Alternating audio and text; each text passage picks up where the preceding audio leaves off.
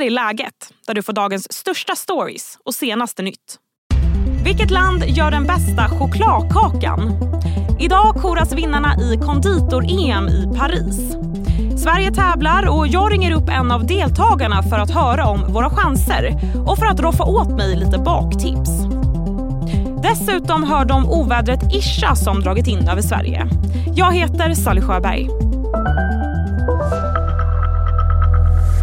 Har jag med mig en av de tävlande i år, konditorn Josefin Pagander som till vardags jobbar som konditorchef på Gotia Towers i Göteborg. Hej Josefin!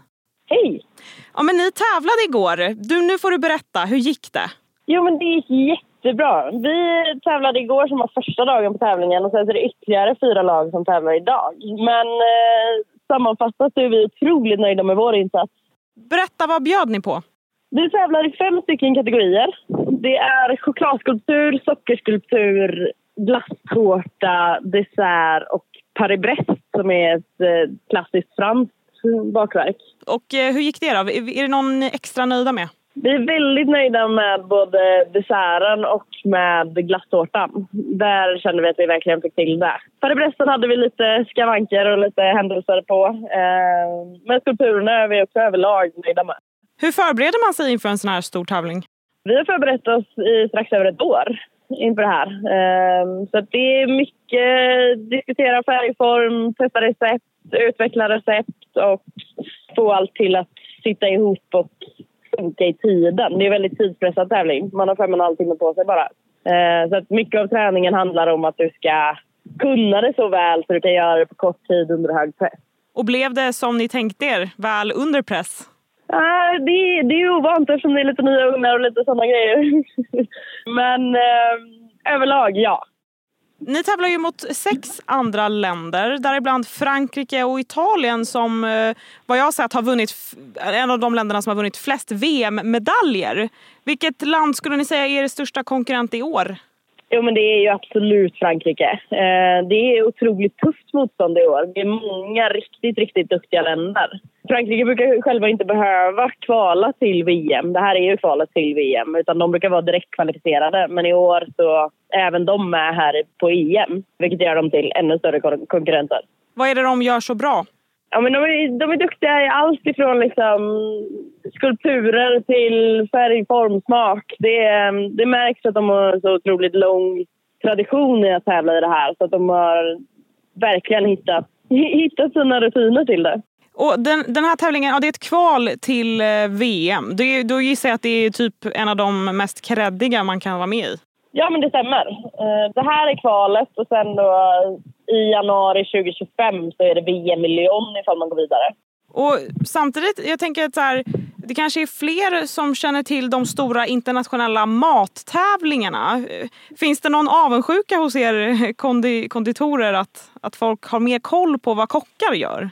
Nej, egentligen inte. Den kulinariska branschen är mycket, mycket större än vad våran är. Eh, och att de har kommit längre i dessa sammanhang tycker vi nog inte är så konstigt. Däremot så ser man att det här eh, blir större och större och växer, eh, vilket är väldigt roligt. Och jag ska erkänna att jag är kanske mer av en matlagare än en, än en bagare.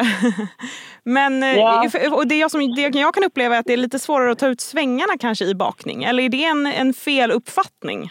Ja, men det skulle jag säga är en fel uppfattning. Vi har nästan eh, större spann på att kunna ta ut svängarna. Sen kanske det är svårare för folk som, för folk som inte är insatta att relatera till det vi gör. För det är så mycket eh, tekniker och sånt som man inte ser till vardags på bagerier och konditorier. Eh, såsom sockerskulpturer och chokladskulpturer och liknande. Eh, så det, jag tror kanske att mattävlingarna har lite fördel av att människor kan relatera på ett annat sätt så att alla lagar mat till sig själva i sina hushåll. Frågan är då hur man blir en riktigt bra hemmabagare. Det ska jag fråga dig Josefin, men först så blir det en kort nyhetsuppdatering.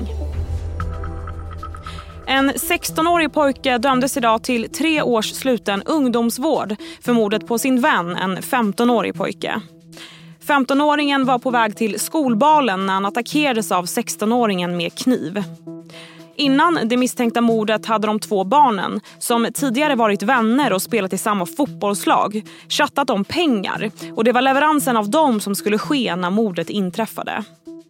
16-åringen har genomgått en rättspsykiatrisk undersökning som visar att han inte led av någon allvarlig psykisk störning vid tiden för mordet som inträffade i juni förra året. Förra veckans kontroverser inom KD när Sara Skyttedal petades och högerdebattören Alice Teodorescu Måwe tog hennes första plats på partiets EU-vallista har inte bara påverkat partiet utan även SVT. Teodorescu har nämligen haft debattprogrammet Teodorescu och Suonen i SVT ihop med vänsterdebattören Daniel Suonen. Men i och med Teodorescus hopp över till politiken kunde hon inte längre ha kvar sin roll inom public service. Och idag blev det klart att hennes ersättare i programmet blir tre. PM Nilsson från Timbro, Tove Livendal som är politisk chefredaktör för Svenska Dagbladet och den borgerliga samhällsdebattören Henrik Jönsson. Floridas guvernör Ron DeSantis har hoppat av Republikanernas primärval. DeSantis sågs tidigare som en tänkbar utmanare till Donald Trump när det gäller att bli Republikanernas presidentvalskandidat. Men hans opinionssiffror har dalat och efter förra veckans primärval i Iowa står det klart att DeSantis chanser är mycket små. DeSantis ställer sig nu bakom Trump som kandidat. Det innebär att den enda egentliga utmanaren till Trump är den tidigare FN-ambassadören Nikki Haley. Imorgon är det återigen dags för ett primärval.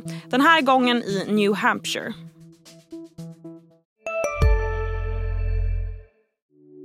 Hej, Ulf Kristersson här. På många sätt är det en mörk tid vi lever i. Men nu tar vi ett stort steg för att göra Sverige till en tryggare och säkrare plats. Sverige är nu medlem i Nato. En för alla, alla för en.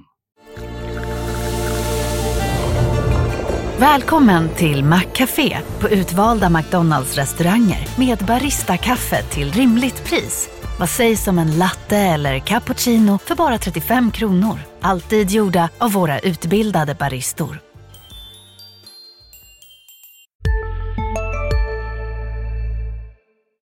Och nu tillbaka till Josefin Pagander, chefskonditor på Gotia Towers. Vilket är det vanligaste felet som hemmabagare gör, säger du? Det största felet tror jag är att många tänker att det spelar inte så stor roll och inte är så noga när de mäter sina ingredienser. Eh, vi till exempel när vi tävlar eller eh, alltid när vi står och jobbar väger ju allting på grammet. För det är väldigt, väldigt viktigt att det blir rätt balans i recepten. Så det är kanske någonting man borde göra mer hemma då? Ha en våg och väga allt? Ja, men exakt. Och inte ha inställningen i att jag gör lite så här istället för jag tror det blir godare. Har man inte kunskap så är det alltid bra att följa ett recept till en början tills man känner sig trygg med det. Och sen kan man börja experimentera. Finns det någon dessert du tycker, om man har lite kämpigt och man ska bjuda på middag, vad tycker du man ska, man ska bjuda på då som efterrätt? Glass går alltid hem. Det är otroligt gott och alltid uppskattat. Behöver man en glassmaskin då? För att göra den riktigt bra, ja. Men eh, annars hade jag nog satsat på att eh, skulle man bjuda på en dessert så hade jag köpt en glass från något trevligt ställe i närheten och sen så hade jag satsat på att göra tillbehör själv hemma. Att man gör en god kolasås, lite maränger, satsar på det uppe på. Då tror jag att man går hem hos de flesta. Mm. Och nu måste du avslöja lite, har du någon udda favoritingrediens eller så som skulle få folk att höja på ögonbrynen? Jag är ju väldigt, väldigt förtjust i honung. Okay. Och shiso. Shiso är väl en av mina signaturer som jag har tävlat med mycket nu. Jag har den dels här och dels när jag vann Årets konditor. Eh, låter det är en japanskt. japansk mynta. Exakt, det är en japansk mynta. Eh, så den är lite snällare i smaken och man använder den oftast i asiatisk matlagning. Den har inte blivit så vanlig i det söta köket ännu. Jag förstår. Har du någon, någon eh, sista bakom kulisserna-info som du kan bjuda lite på? Något spännande som hände eller nå, någon extra rolig detalj? Ja, bakom kulisserna är det ett helt fantastiskt lag. Vi har så otroligt duktiga coacher och assisterande. Och vi hade aldrig kunnat göra det här utan dem. Totalt är vi åtta stycken tjejer. Alla är unga, alla är fruktansvärt drivna och det är så otroligt roligt att få göra den här resan tillsammans med dem. Kul! Tack så jättemycket Josefin och lycka till nu! Tack! Och härnäst i podden snackar jag med meteorologen Johan Groth som berättar om ovädret som slagit till mot Sverige. När kan det dra förbi? Det hör du om, men först blir fler nyheter. Världens första massvaccineringsprogram mot malaria har nu inletts i Afrika. Bebisen Daniella från Kamerun var den första att vaccineras. Det skriver WHO Africa på X. Över 30 afrikanska länder har visat intresse för vaccinet som utvecklats av det brittiska läkemedelsföretaget GSK, skriver Financial Times. Över 6 miljoner barn är aktuella för vaccinering fram till 2025 enligt Reuters. Hej, Synoptik här. Hos oss får du hjälp med att ta hand om din ögonhälsa.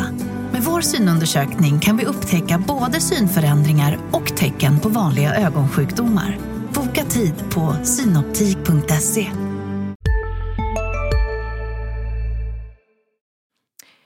Ovädret Isha drar nu in över Sverige. SMHI har redan utfärdat ett antal gula och orangea varningar på flera håll i landet. Vad innebär de här varningarna? Ja, det ska jag prata om nu med Johan Groth som är meteorolog på Storm. Hej Johan! Hejsan! Hej, hej! Ja, jag hade piskande regn i ansiktet i morse, men det är väl även snö och vind som ställer till det just nu? Ja, det kan man minsann säga. Eh, det är väldigt blåsigt. Eh, allra blåsigast är det väl på delar av västkusten och eh, västra Götaland och upp över de centrala delarna av ja, inre Götaland också kan man väl säga. Det är väl där det är blåsigast och sen är det ju väldigt milt så det är mycket regn i söder. Men snöfall framförallt i norr när man kommer upp över mellersta Norrland och det är ju där vi också har en orange varning utfärdad här för dagen. Och det är väl där det blir allra värst då gissar jag?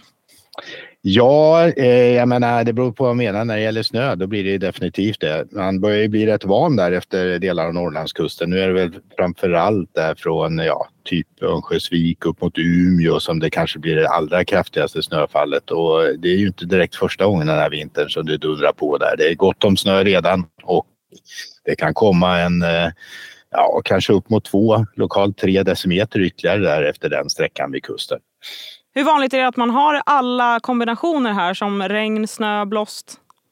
Ja, det blir, det blir ju liksom så när lågtrycken tar en bana så här upp över Sverige, kommer på Norska havet och drar upp. Då får vi ju så att säga in det här milda vädret i söder. Det, och samtidigt så håller det ju ändå så låga temperaturer att det är frågan om snö i norr. Så då blir det ju gärna den här kombinationen av allting. Och som sagt var, eh, Västsverige så är det ju faktiskt så mycket regn, eh, norra delarna av västkusten och eh, västra Götaland att här är det väl tyvärr bekymmer med översvämningar helt enkelt.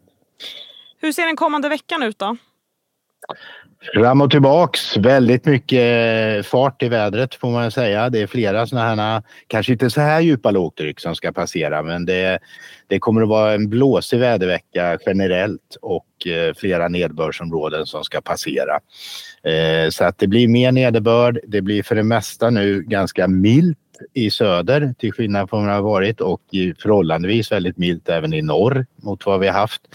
Eh, men fram och tillbaks hela veckan eh, och framförallt så kommer det ju den snö vi har i, ska man säga åtminstone Götaland och delar av södra och östra Svealand får det tufft att överleva nu. Kommer helt enkelt att försvinna som det ser ut.